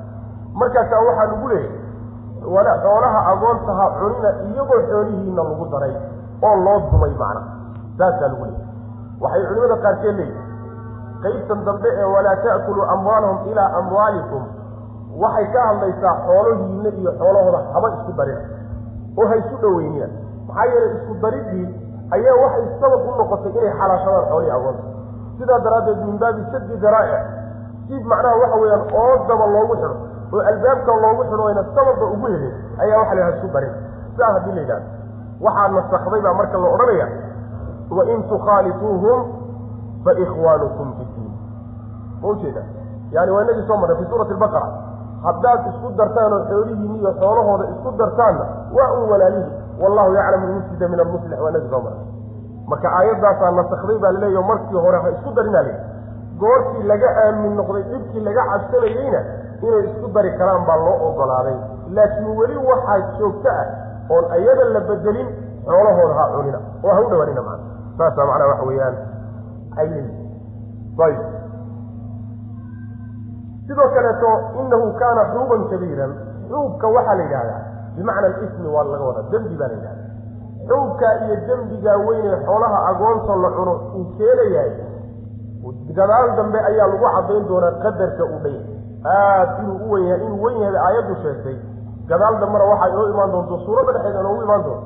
Ina aladiina ya'kuluuna amwaala alyataama dulman inamaa ya'kuluuna fii butuunihim naara wasayaslawna saciira naar bay caloosha ku cunayaan saciirana way geli doonaan way ku guban doonaan bu rabbilahi subxana watacala wa aatu lyataama agoonta xoolahooda siiya oo ama ka nafaqeeya ama mulkisiyaba xoolo amwaalahum xoolo wa aatuu siiya alyataama agoonta amwaalahum xoolahooda siiya.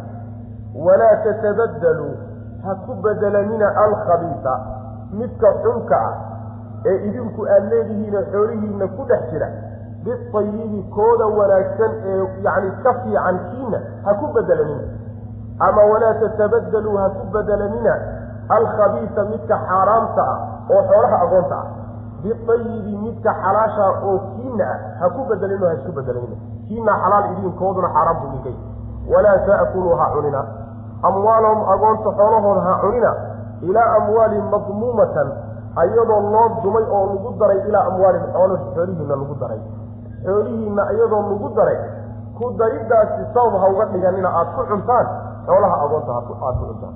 Maxaa yeelay innahu arrinkaasi agoonta xoolahooda oo lagu xadgudbaayey kaana wuxuu ahaaday xuuban dembi ayuu ahaaday kabiiran oo weyn ayuu rabbi leeyahay subxaana wa tacala wain kiftum anlaa tuqsituu fi lyataama fankixuu maa taaba lakum min annisaai matna wahulaasa warubaha fain kiftum anlaa tacdiluu fawaaxidatan aw maa malakat aymaanukum dalika adnaa anlaa tacuduu weli agoontii baa lagu sii wain kiftum haddii aada cabsataan anlaa tuqsituu inaydaan cadaalad samaynin.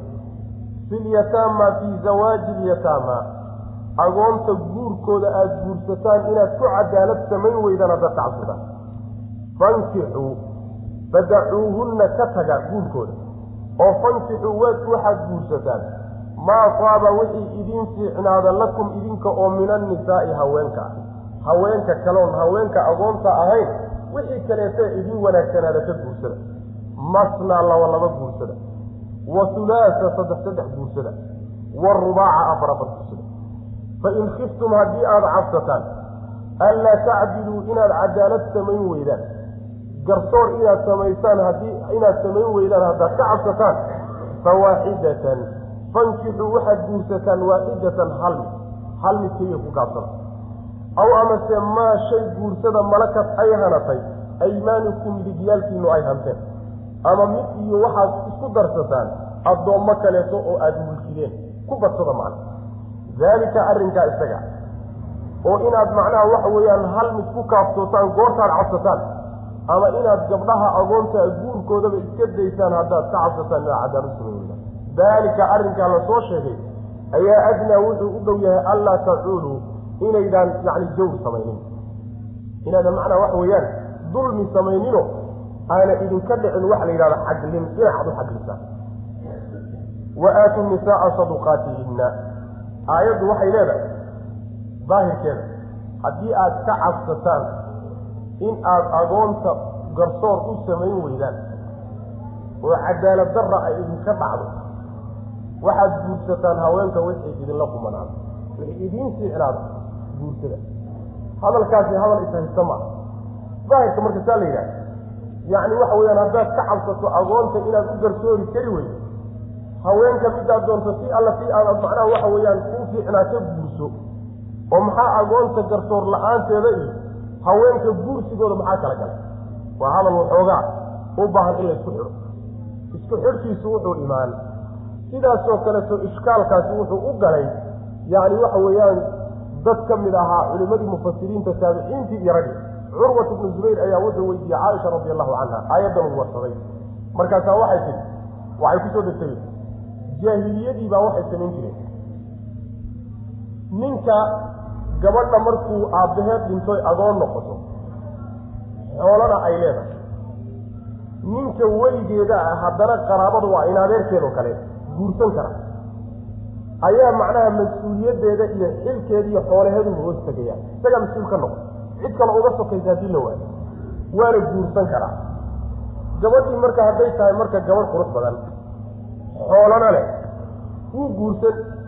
Asagaa isu guurin.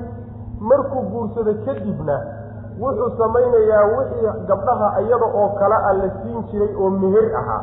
Ma siinayo ee wuxuu samaynayaa ama waxbaba ma siinayo ama waxoogaa yar oo aan dhannayn wixii ay mudnayd ayuu macnaha waxaway ku sabirsiinaya sidaasay yeeli jire waa hadday gabdhadu gabadh gabadhu gabadh qiimo leh hadday gabadha waxoogaa uu bogi waayo. Na waxay samayn jireen. Intay macnaha waxa weeyaan isagiina ma guursanahayo oo macnaha waxa weye ma raba inuu guursado qolo kaleeta inay guursatana uma ogola wuxuu intaa diidan yahay xoolahan in meel un laga soo galo. Xoolahanu ilaamadaa ee idin hoos jooga. Guursiga aada guursanaysaan inaad cadaalad ugu samayn weydaan haddaad ka cabsataan oo meherkay mudnaayeen aada siin weydaan. Cabsidaasi hadday idinku jirto arrinka aada ogtihiin ama marihiina u badan yahay hee fadacuhunna iska daaya haba guursanina. Haddaad iska daysaan iyagana fankixuu waxaad guursataan maa qaaba lakum wixii idiin fiicnaada oo min annisaa'i haweenka kala. Wixii iyaga ka soo hadhay oo haween ah oo ilaa wa ilaaba waxay mudnaayeen aada siinaysaan kuwaa marka guursada iyagana iska daaya marka. Marka ayaddu waxay u garsooraysaa gabadha agoonta iyo dulmigii lagu samaysay waxaan u tegi doonaa wayastaftuunaka fi nnisaa qul illaahu yuftiikum fiihinna wamaa yutlaa calaykum fii yataama annisaai allaati laa tu'tuunahunna maa kutiba lahunna watargabuuna an tankixuhunna suuradda dhexeeda lagu tegi doonaa insha allahu tacala yacni macnaha laftiisa ayaa halkaa inoogu imaan doona haddii alle marka gabdhaha agoommada guurkooda iska daaya haddii malihiinna ay u badatood u badisaan inaydaan garsood u samayn doonin maxaa yeele waa caado adkaatayo. Caado adkaatayna inta badan inay ku dha inaad ku dhacday u badan. Gabdhaha noocaas oo kalea looma garsoori jirin. Haddaad saa isaga cabsato marka gabdhaha guursan kuwo kaleeta marka guur ka raadso saasa alla leehi subxana wa tacala fankixuu waxaad guursataan maa taaba lakum min annisaa haweenka kale wixii idin fiicnaada maa taabada waxaa laga wadaa? Wixii aad u bogtaano aada jeclaataanoo idinla kumanaada ama maa taaba lakum wixii idin bannaan oo sharcigu idin ogolya waa masalada soo marnayo fi tayibi yacni tayibka marna xalaal waa la yidhahda marna naftu waxay jeceshahay ee ka hesho na waa la yidhahda labadaba waa soo gelaysa labadaba waa soo gelaysaayo yacni haweenkaasi alla uu badiyey si alla kii aad ka jeclaato oo kula kumanaato guurkeeda ka guurso. Laakiin nabigeenu sal alay wasalam adigu waxaa doontaba ugu xidho laakiin nabigeenu salawatullahi wasalaamu calayhi wuxuu tilmaamay inta haween loo guursado in ay ugu fiican tahay bal wuu amray in xagga diinta laga fiiriyo. Midda diinta leh dhiigka iyo wanaagga ay leedahay xaggaa diinta ka fiiriya. Wixii kaleeto ee rabbi kugu daray wanaagana yani waxa weeyaan waa alla kusi wey marka guursada guurka marka xaggee la gaadhsiinaya haweenkii kale guursada la yidhi intee baa la gaadhsiinaya waxaad gaadhsiinaysaa laba laba u guursada. Macnaha waxa weye bulshadii qaar midkan labuu qabaa kana labuu qabaa kana labuu qabaa. Laba laba wey haddaad doontaanna saddex saddex ka dhiga. Oo macnaha waxa weeyaan kana saddexa guursado kana saddex kana saddex ka bulshada qayb saddex saddex qabto. Ama ma ahe afar afar ka dhigo oo yani waa xaddi ugu dambaysa afarta ha ka badinin wey macana afarta ha ka badan lama ogolaa yani waxa weeyaan aayaddu hadda waxaa laga yaabaa culimada qaar ka mida inay leeyihiin. Yani sida ay leeyihiin. In aan laga qaadanin afar inaan la dhaafin karin laakiin waxaa laga qaadanaya xadiiska nabiga sal lla alay wasalam iyo ijmaaca ummada ijmaac khilaaf yar ooba sidaa ku jira. Laakiin waxa weeyaan xadiiska nabiga sal alay waslam waxay ku cadday sida xadiiska khaylaan nabigu ku yiri sal alay slam khaylaan nin waxaa soo islaamay oo haween fara badan loo soo islaamay. Markaasa nabigu wuxuu ku yuri sal alay waslam ikhtar minhuna arbacan wafaariq siwaahuna afar ka dooro buu nabigu ku yuri sal alay slam inta kalena iska siidaa afar buu ka dooro marka sharcigu afar wax ka badan ma uu ogolaa afar wixii ka yar waa lagu ogolay sidaas wey macneed marka intaa mid alla midaad doontaan ka doorta masnaada macnaha wa hulaata warubaaca waxa weeye xukumka wadaajiya laba ama saddex ama afar. Hase ka badinina macnaha. Sharci baa ku xidhan. Way furan tahay oo si alla saad doontaan baad yeeli kartaane haweenka badiya iskama aha. Laakiin shardi baa la ku subxana wataala haddaad ka cabsataan inaad haweenka cadaalad u samayn weydaan oo haweenkaa aada isu keenaysaan aada u kala garsoori kari weydaan naftaada haddaad saa ku ogtaa ama malahaaguba u badan yahay inaadan garsoori doonin fawaaxida hal mid keliyata iskaga gaabso marka kugu filan insha allahu tacaala. Taa keliyata marka iskaga gaabso ayadaasaa macnaha waxa weeya aan garsoorkeeda cid kaleeto oo garab yaallo oo inaad u kala garsoorta aan u baahnayn ayadaa leh macnaha middaa keliyata ku gaabso haddaadba ka maarmi badsi aada u baahatana addoommo ku badso ayadii haddii kugu bilaan weydo addoommadaa lagu ogol yahay intaad doonto intaad mulkido. Markaa kadibna macnaha haweenayso wey maana ilaan lagama wado ayaga laftooda guur ahaan inaad u guurso. Ee waxaa laga wadaa mulki ahaan intay ku hoos yimaadaan. Markaa kadibna addoontaada macnaha waad macnaha haweenaysan kartaa wey maana saas waa la leeyahy subxana wa tacala sidaasaa waxay u dhowdaa in aydaan macnaha cadaalad darro samaynin. Oy jawr inaad iska ilaalisaan waxaa u dhow in aad macnaha hal mid ku gaadsataan ama aad gabdhaha agoonta ee cadaaladeeda ay cadaalad la'aantooda aad ka cabsanaysaan inaad ka fogaataan. Saasaa waxay u dhowdahay in aydan jaw iyo dulmi samaynin saasuu rabbi ilahi subxana wa wa in khiftum haddaad ka cabsanaysaan haddaad ka cabsataan ood malaysaan anlaa tuqsituu inaydaan cadaalad u samaynaynin filyataama fii nikaaxi aw zawaaji ilyataama gabdhaha agoontaa guursigooda inaydaan cadaalad ugu samaynaynin oo meherkay mudnaayeen aydaan siinaynin sidii jaahiliyaduba ahayd haddaad middaa ka cabsanaysaan fadacuuhunna gabdhaha guurkooda iska daaya haba idiin bannaanaadeene laakiin cabsidaa laga cabsanayo ayaa macnaha albaabka loo xidhay ha guursanina. Haddii iyagii ha guursanina laydinoo iska daayana fankixuu waxaad guursataan. Maa daaba wixii idiin fiicnaada lakum idinka oo min annisaa'i haweenkii kala haweenkii kale wixii alla wixii idiin fiicnaadoo idiin bannaano sharcigu idiin ogolya ama maehe wixii idinla qumanaadoo naftiinu ay jeclaato ka guursada.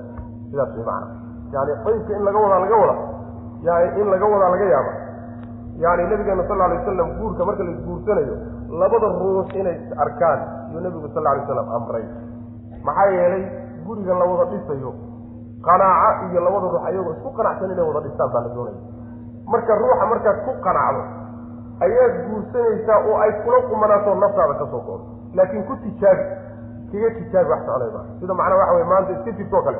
Iskaga tijaabi bal si un bay noqoni waa macnaa waxa wey fashalka faraha badan ee maanta jiro oo kaleeto waxa keenaya ay ka mid tahay macana yaani ruuxan kadaata aada guursanaysaba mustaqbal iyo nolol iyo saaxiibtinimo iyo carruur iyo kamaba damacsanid laakiin waxaad ka damacsan tahay waxoogaas dhaxanta uu nairobi inaad ku yani macnahaasi waa macno jiro waana macno faasido nikaaxii iyo guurkii dhanaa macnaha lagu galgashay oo macnaha masaaric iyo sharcigu ugu talagalay oo dhan macnaha waxa weeyaan lagu tuntay. Saas daraaddeed baa ceebta maanta taalla mujtamaca khaasatan mujtamaca walaadada dhex yaalla ceebta iyadaa iyo sumcadxumadaa waxaa keenay sharciga iyo qawaaciddiisa marka laga tilaabsano oo ujeeda kanaa furay kanaa ka booday kanaa guursaday ilaa aakhiri. Wax macnaha waxa wey layaab ilaa ay gaadhay macnaha cawaamka inay noogu maamaacaan yani naftaa jeclaatayna waa ku soo xerogelinaya naftaa ku nacdayna waa ku sii daynaya cawaamtii baa xataa heerkaa gaadhay inay noogu maamaaan sababka keenena waxa weye waa annaga iyo macnaha dhaqan xumadeena ee diinka rabbi subxaana watacala saan uga boodnay guursada haweenkaasi matnaa laba laba u guursadaa wa hulaasa saddex saddex u guursada iyo wa rubaaca ah guursigoo haweenka la badiyaay waa sharci wey maqsad sharciga nabigeenuna sal alay wasalam haween aada u fara badan buu qabay. Waana tirtirtiyo waa booriye nebigu sal alay wasalam haweenka in la badiyo. Haweenka in la badiyo haweenku haba ka xanaasaan laakiin waxa weeyaan sharcigaa furay. Mar hadduu furay laakiin shardi buu ku xidhay shardiguu ku xidhay wuxuu yahay ninkaasi haweenka inuu badsado loo ogol yahay waa ninkaa isku tuhmaya inuu macnaha waxa weye cadaalad samayn doono.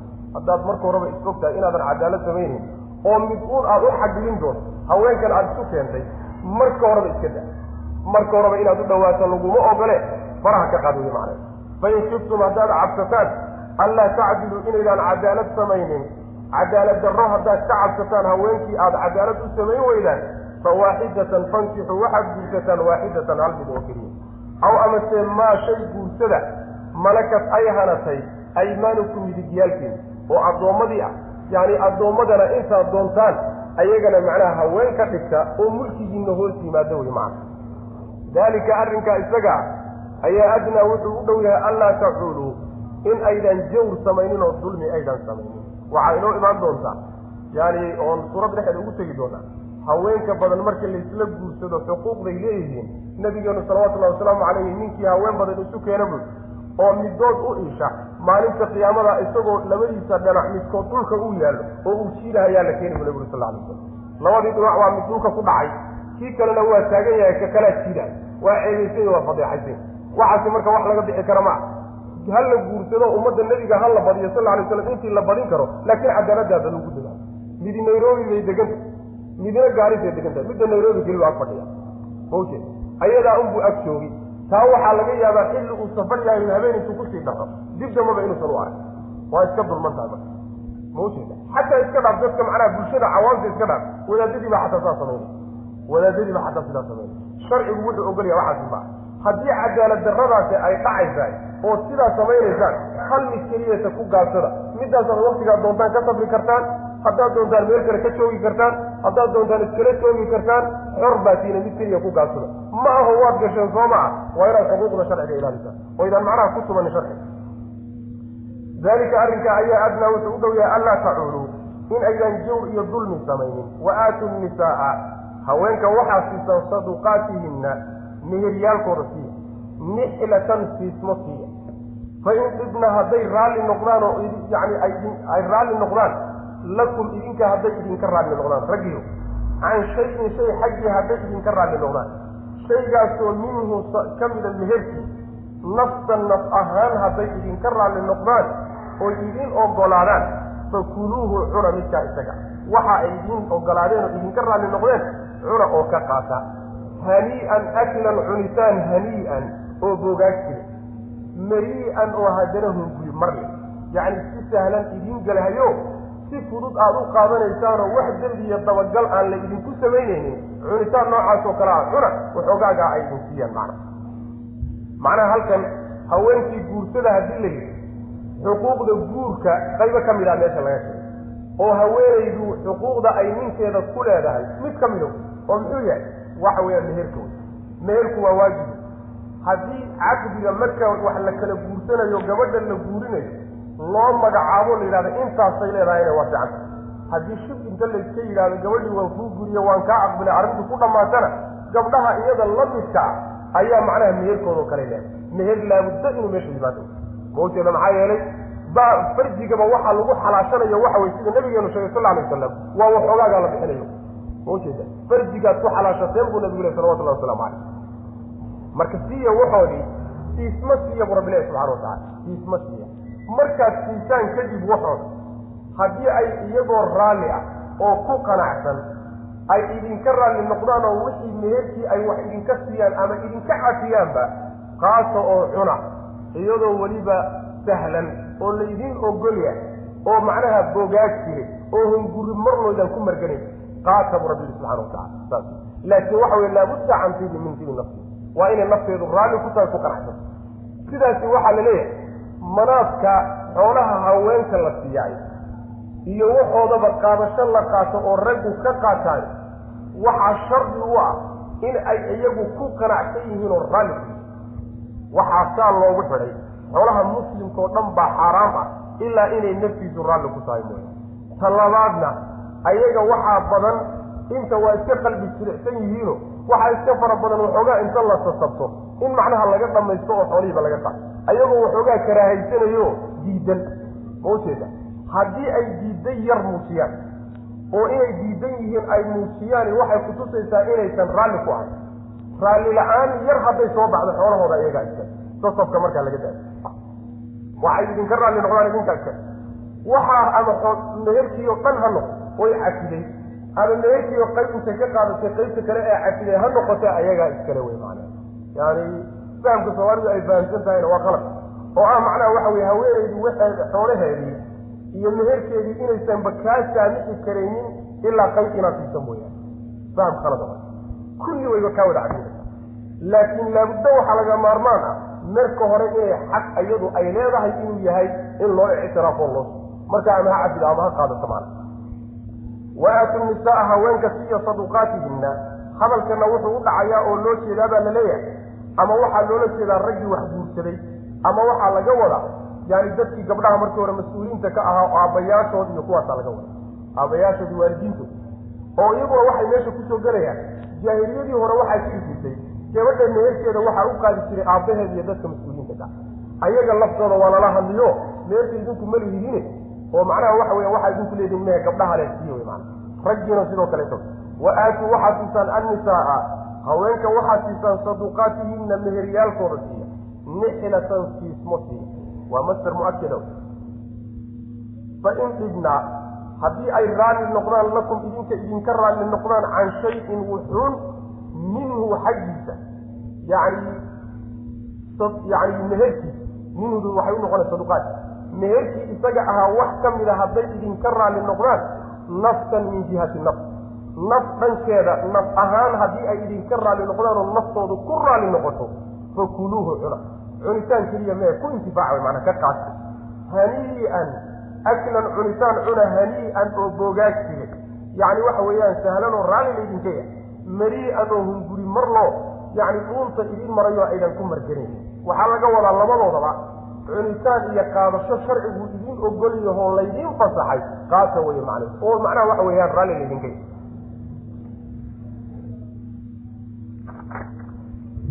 walaa tu'tuu sufahaaa amwaalakum alatii jacala allahu lakum qiyaama warzuquuhum fiiha waksuuhum waquluu lahum qawlan macruufa. Waxaa marka aayadda sidoo kale ay kutusaysaa haweenku xoolahooda iyagaa ku tasarufi kara xoolahooda tasarufkooda iyagaa si buuxda u leh. Ninkay doonaan bay si ninkay doonanna waa u diidayaan. Sidaana nusuus aada u fara badan baa kutusay axaadiis waxaa jirta kutusaya in macnaha waxa weeyaan ay fiican tahay haweenaydu inay ninkeeda kala tashato wixii xoolaheeda ku saabsan laakin laazim ma ah waa u banaantay see doonta ugu tasarufi karta xoolaheeda wixii aan sharciga khilaafsanayn wa aatu lyataama walaa tu'tuu ha siinina assufahaaa. Wax magaradka ha siinina amwaal amwaalakum xoolihiina ha u dhiibina allatii xoolahaasoo jacala allahu alla uu yeelay lakum idinka qiyaaman kuwa muslixiin oo hagaajiyayaala uu idinka dhigay. Warzuquuhum irsaaqa oo agoontii ka irsaaqoo ka masruufa fiihaa xoolaha dhex waksuuhum marasheeya oo macnaha waxa weeye waxay u baahdaan oo dhar a ka siiya.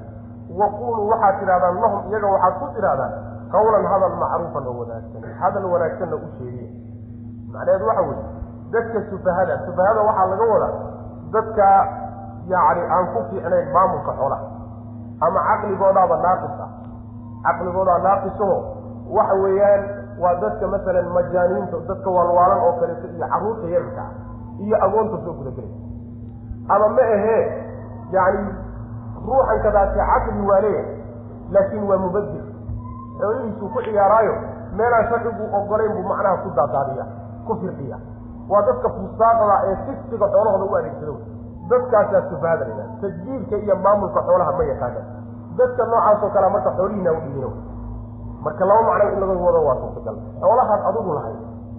Dadkaas aan xoolaha maamuli aqoonin ee wax magaradka a gacanta u geli waa xoolahaagii waa suurtagal waxaa kaloo suurtagala aayaadku maadaama ay agoon ka soo hadlayeen. Yani dadkaasi sidaa la yidhaha macnaha hore haddaan ku socono dadkaasi wax magaradka ee xoolahaaga haysaga dhiibin lagu ha u dhiibin laakiin waxay ku leeyihiin nafaqadooda iyo diilkooda iyo marashadooday ku leeyihiin waa kugu leeyihiin xoolahaas iyaga. Waxaa kaleetoo macno kale ah maadaama aan agoon ka soo hadlayne waxaa laga wadaa xoolihii agoonta eed gacanta ku hayseen agoonta sufahadaa ee aan maamulka xoolaha qaabka loo maamulo ama loo idaareeyo aan garanaynin. Gacanta ha u gelininoo ha u dhiibina laakiin waxay uga baahan yihiin kasi. Oo macnaha marashadoodii iyo yani masruufkoodii ah. Sidaana waa suurtagal iyada. Hadal wanaagsanna ku dhaho oo u duceeya. Ducadoo kaleeto masalan inaad tidhahdo macnaha waxa weyaan u ducay iyo inaad macnaha hadalka wanaagsan waxaa ka mid a aad tidhaahdo ballanqaad inaad u samay xoolihiinna waan idiin hayaa waxbana idinkama qaadanin. Insha allahu tacala haddaad qaan gaadhaanna xoolihiinna waad heli doontaa. Hadal wanaagsan oo noocaasoo kale ah oon xumayn ahayn macna walaa tuutuu ha siinina assufahaaa. Kuwa wax magaradka ee xoolaha aan maamuli aqoonin ha u dhiibina amwaalakum xoolihiina ha u dhiibina haddii la yidhahdo xoolahan waa xoolihii agoonta amwaalakum maxaa loo yidhi? Oo dadkii hayay loogu tiiriyo loo yidhi xoolihiina waxaa loo yidhi haynta ay hayaan. Haynta ayay mas'uuliyadda ay mas'uuliinta ka yihiin ayaa loogu tiiriyo loo yidhi xoolihiina haddii tafsiirkii kale aan marna aan marnana dee waaba xoolahoodii walaa tu'tuu ha siinina assufahaaa wax magaradka aan xoolaha maamuli aqoonin?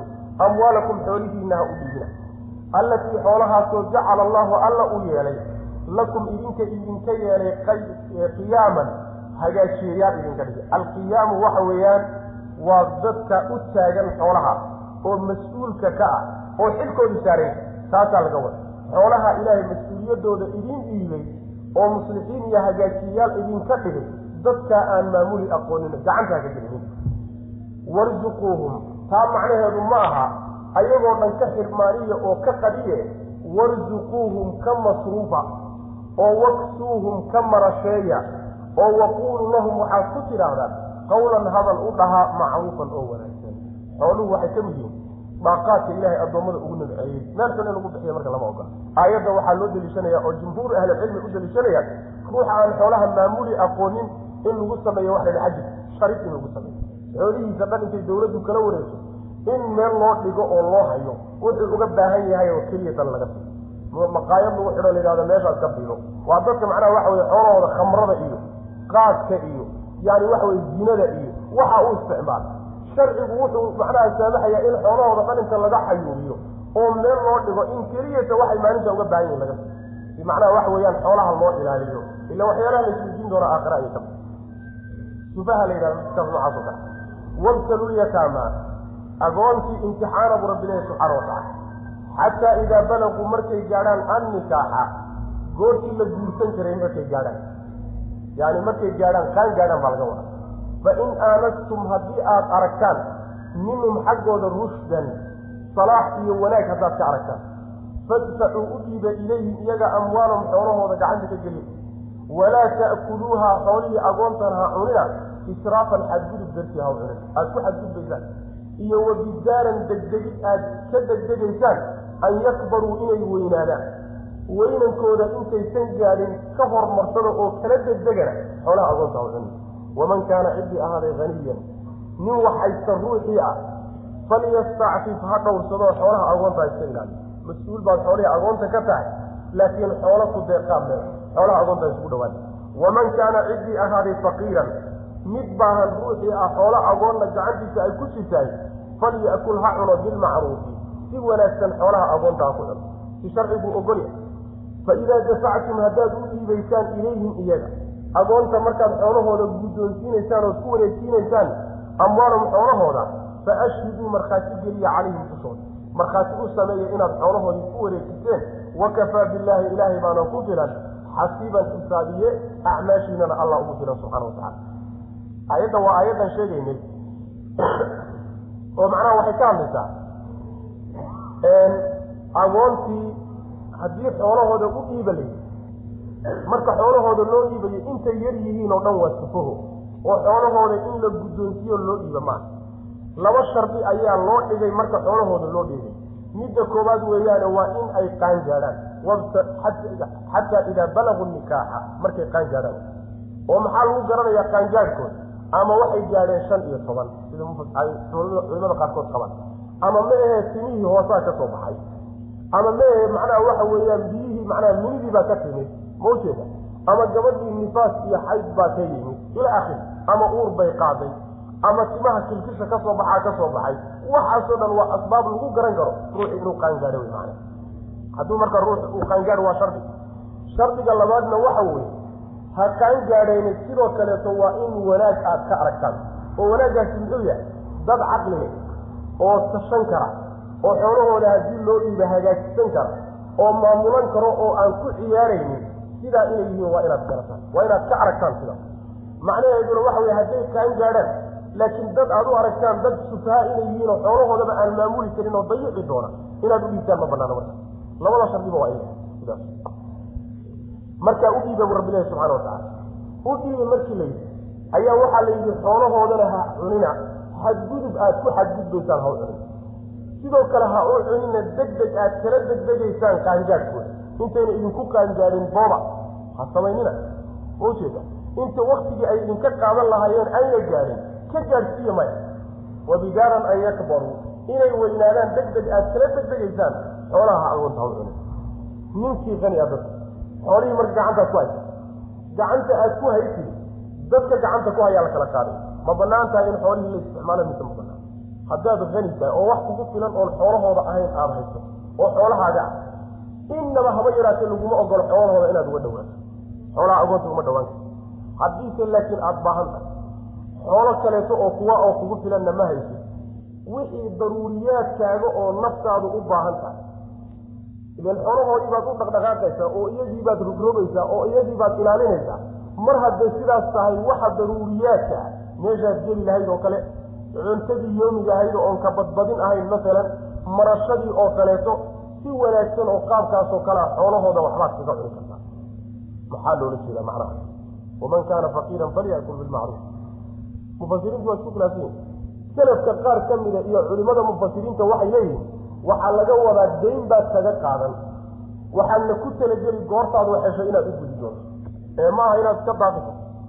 Inaad iska daaqi karto maaha waxaase loo badan yahay oo ay u badan yihiin jumhuur lculamaa ruux hadduu faqiir yahay xoolihii agoontana uu ku mashquulsan yahay in uu wuxuu uga baahan yahay uu ka isticmaali karo ee daruuri ah. Daruuri ah. Ma aha macnaha waxa weeyaan inaad nolol fakfaaka ku noolaato.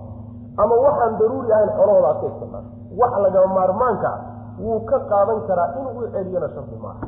Sidaasaa loo bahiyey maxaa yeelay xoolahan kadaata haddii ruux kalaba hayn lahaa ujiruu ka qaadan lahaa sooma rogrogiddaa iyo dadaalkaa iyo waxa uu ku hayo ujiruu ka qaadan lahaa. Macnaha ujuuradii oo kale ka dhigan tahay marka. Marka u soo celin maayo laakiin waa inuusan ka badbadinin daahirka aayadana macnaha isagaa kutusiya maa markaad u dhiibaysaan xoolahooda markhaati geliyo markhaati u sameeya si berrito aan la idinka daba imaanin ama aan laydiin tuumin ama aan la idiin qabsanin oo aan laydiin odhanin xoolahana dimayna na siinin. Markhaati u sameeyo xoolahooda markaad guddoonsiinaysaan saasuu rabbi ilahi subxaana watacaala allaana ku filan xisaabiye oo iska jira.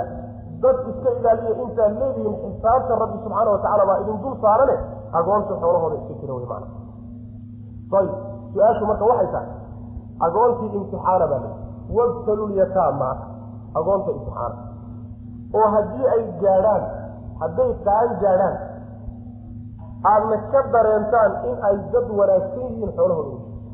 See loo imtixaani karaa oo lagu tijaabin karaa. Tijaabiye wey macnaha ibtaluya wabtalulyataama waxay leeyihiin mufasiriinta qaar ka mid a waxaa lagu kala garan karaa ruuxani inuu yahay ruux wax maamuli karoo xoolihii hagaajin karayo in kale. Waxaa lagu garan karaa xoolaha qaarkood baa loo dhiibay waxoogaa baa laga soo goynaya markaasaa loo dhiibay xukrug baa la odhanaya caydcayd hadduu wax ka soo saaro markaasaa waxaa soo baxaysa ruuxani inuu ruux daa'ica yahay oo waxba aan hagaajin karin iyo inuu wax hagaajin kara saasaa lagu soo saari kara saasaa lagu tijaabi mufasiriinta qaar baa odhan. Qaarna waxay leeyihiin ma ninka mas'uulka ka agoon marka hore uu yaryahay xataa fikirkiisa iyo noloshiisa iyo yacni tacaamulkiisaba wuxuu kala soo dhexbixi karaa. Ilmahan kadaata wanaaggiisa iyo xumaantiisa waa wala iska garan karaa ruuxii la noolaa wuu garan. Tacaamulkiisaasaaba marka horeba laga fahmi karaa. Sidaasna mufasiriinta qaar baa odhan. Qaarna waxaa lagu fahmiye oo lagu garan bay leeyihiin oo iyadana suurtagal ah. Guriga biilkiisaa loo dhiibi. Guriga nafaqa waxoogaa masruufka reerkaa loo dhiibiyo uhay oo macnaha waxa weeyaan maaragtay sisiil la odhanay. Haddii uu hagaajiyo gabadhiina sidoo kaleeto gabdhaha iyada la qaybkaa hawsha loo dhiibay jikada iyo guriga iyo looga dhiibo ayaa iyadana loo dhiibaya. Gabadha agoonta ahayd halkaasaa marka waxaa ka soo baxaya inuu ruuxani uu raashid yahay iyo inuu safiih yahay. Halkaasay marka ku cadaanaysa macna. Macaanidaas o dhan bay mufasiriintu sheegaan wabtaluu waxaad imtixaantaan oo tijaabisaan alyataama agoonta tijaabiya xataa idaa balaquu haddii ay gaadhaan annikaaxa guur waktigii la guursan jiray hadday gaadhaan waa marka la qaan gaadheen fa in aanastum haddii aad aragtaan minhum xaggooda rushdan wanaag iyo hagaag haddaad ka aragtaan. Dad hagaagsan oo xoolo maamulan kara oo xoolahooda aan dayacaynin oon ku ciyaaraynin inay yihiin haddaad ka aragtaan. Fadfacuu u dhiiba ilayhim iyaga amwaalahum xoolahooda u dhiiba oo mulkisiyo ku wareejiya. Mar wax dambood u haystaan ma jira. Ilaan iyaga dantoodaad u hayseen walaa ta'kuluuha xoolihiina ha cunina. Agoonta israafan xadgudub dartii aada xadgudbaysaan ha u cunina. Iyo wabijaaran deg deg aada degdegaysaan min an yakbaruu min an yakbaruu inay weynaadaan aada kala degdegaysaan. Inay qaan gaadhaan deg deg aada kala degdegaysaan iyo horumarid aada kala hormaraysaanna xoolihii agoonta ha u cunina waman kaana ciddii ahaatee haniyan mid wax haysta ruuxii ah falyastacdif ha dhowrsado xoolaha agoonta iska ilaaliyo oo yuusan waxba ka isticmaalin. Waman kaana ciddii ahaaday faqiiran mid faqiiroo baahanoo waxba haysanin ruuxii ah agoonta xoolahoodiina gacan ku hayahay falyakul ha cuno bilmacruufi sida sharcigu yaqaan macruufka waxaa la yidhahda bulshada markaa jirta curfiga shayga laysla yaqaano ee markaa lagu tilmaami karo nolosha daruuriga lagu tilmaami karo ayaa curfiga la yidhahda curfiga sharcigana waa inaysan khilaafin bulshadaasuna waxay ku tacaamushaa yacni marka la xadidayo waxaa soo baxaysa inaad tidhahdo anugu faqiir baan ahay xoola agoona gacanta ku haya maxaan ka isticmaali karaa waxay u noqonaysaa bulshada iyo curfiga ruuxa masalan muqdisho jooga agoonta xoolaheeda wuxuu ka isticmaali karay uga baahan yahay iyo nairobi ruuxa jooga xoolahooda halkan ku hayaan isku mid maa soo ma yacni nafaqaadkii iyo biilkii iyo kharashkii baa kala weyn sooma kolba bulshadaasi iyo curfigeeda iyo nolosheeda ayay kolba ku xidhan tahay iyo xoolahaasi meesha jooga. Bilmacruufina sidaasa laga wada miisaanka marka loo celinaya macna. Fa idaa dafactum markaad u dhiibaysaan ilayhim iyaga xoolahooda markaad ilayhim iyaga amwaalahum xoolahooda markaad u dhiibi rabtaan fa ashhiduu markhaati geliya calayhim dushooda. Amar weyn. Markuu ugu yaryahay waa nafdii markii kaleetana waajib uba noqonba yani waxa weeye si tuhmadu ay idinka fogaan oo berrita aan laysu dabagelginin oo laydiin qabsanin xoolahooda markhaati ku sameeya markaad ku wareejinaysa. Wakafaa billah. Ilaahay baana ku filan xasiiban xisaabiye yacni dadka ha iska jirine ilaahay iska jira. Ruuxa rabbi iyo xisaabtiisa iska jira yahay yani in badan buu iska ilaalinay xaqa dadweynaha iyo agoonta iyo macnaha waxa weeyaan makhluuqaadka iyo rabbi addoomaysa wallahu aclam wsala allahuma waslama cala nabiyina muxamedi wala alihi saxbi waslm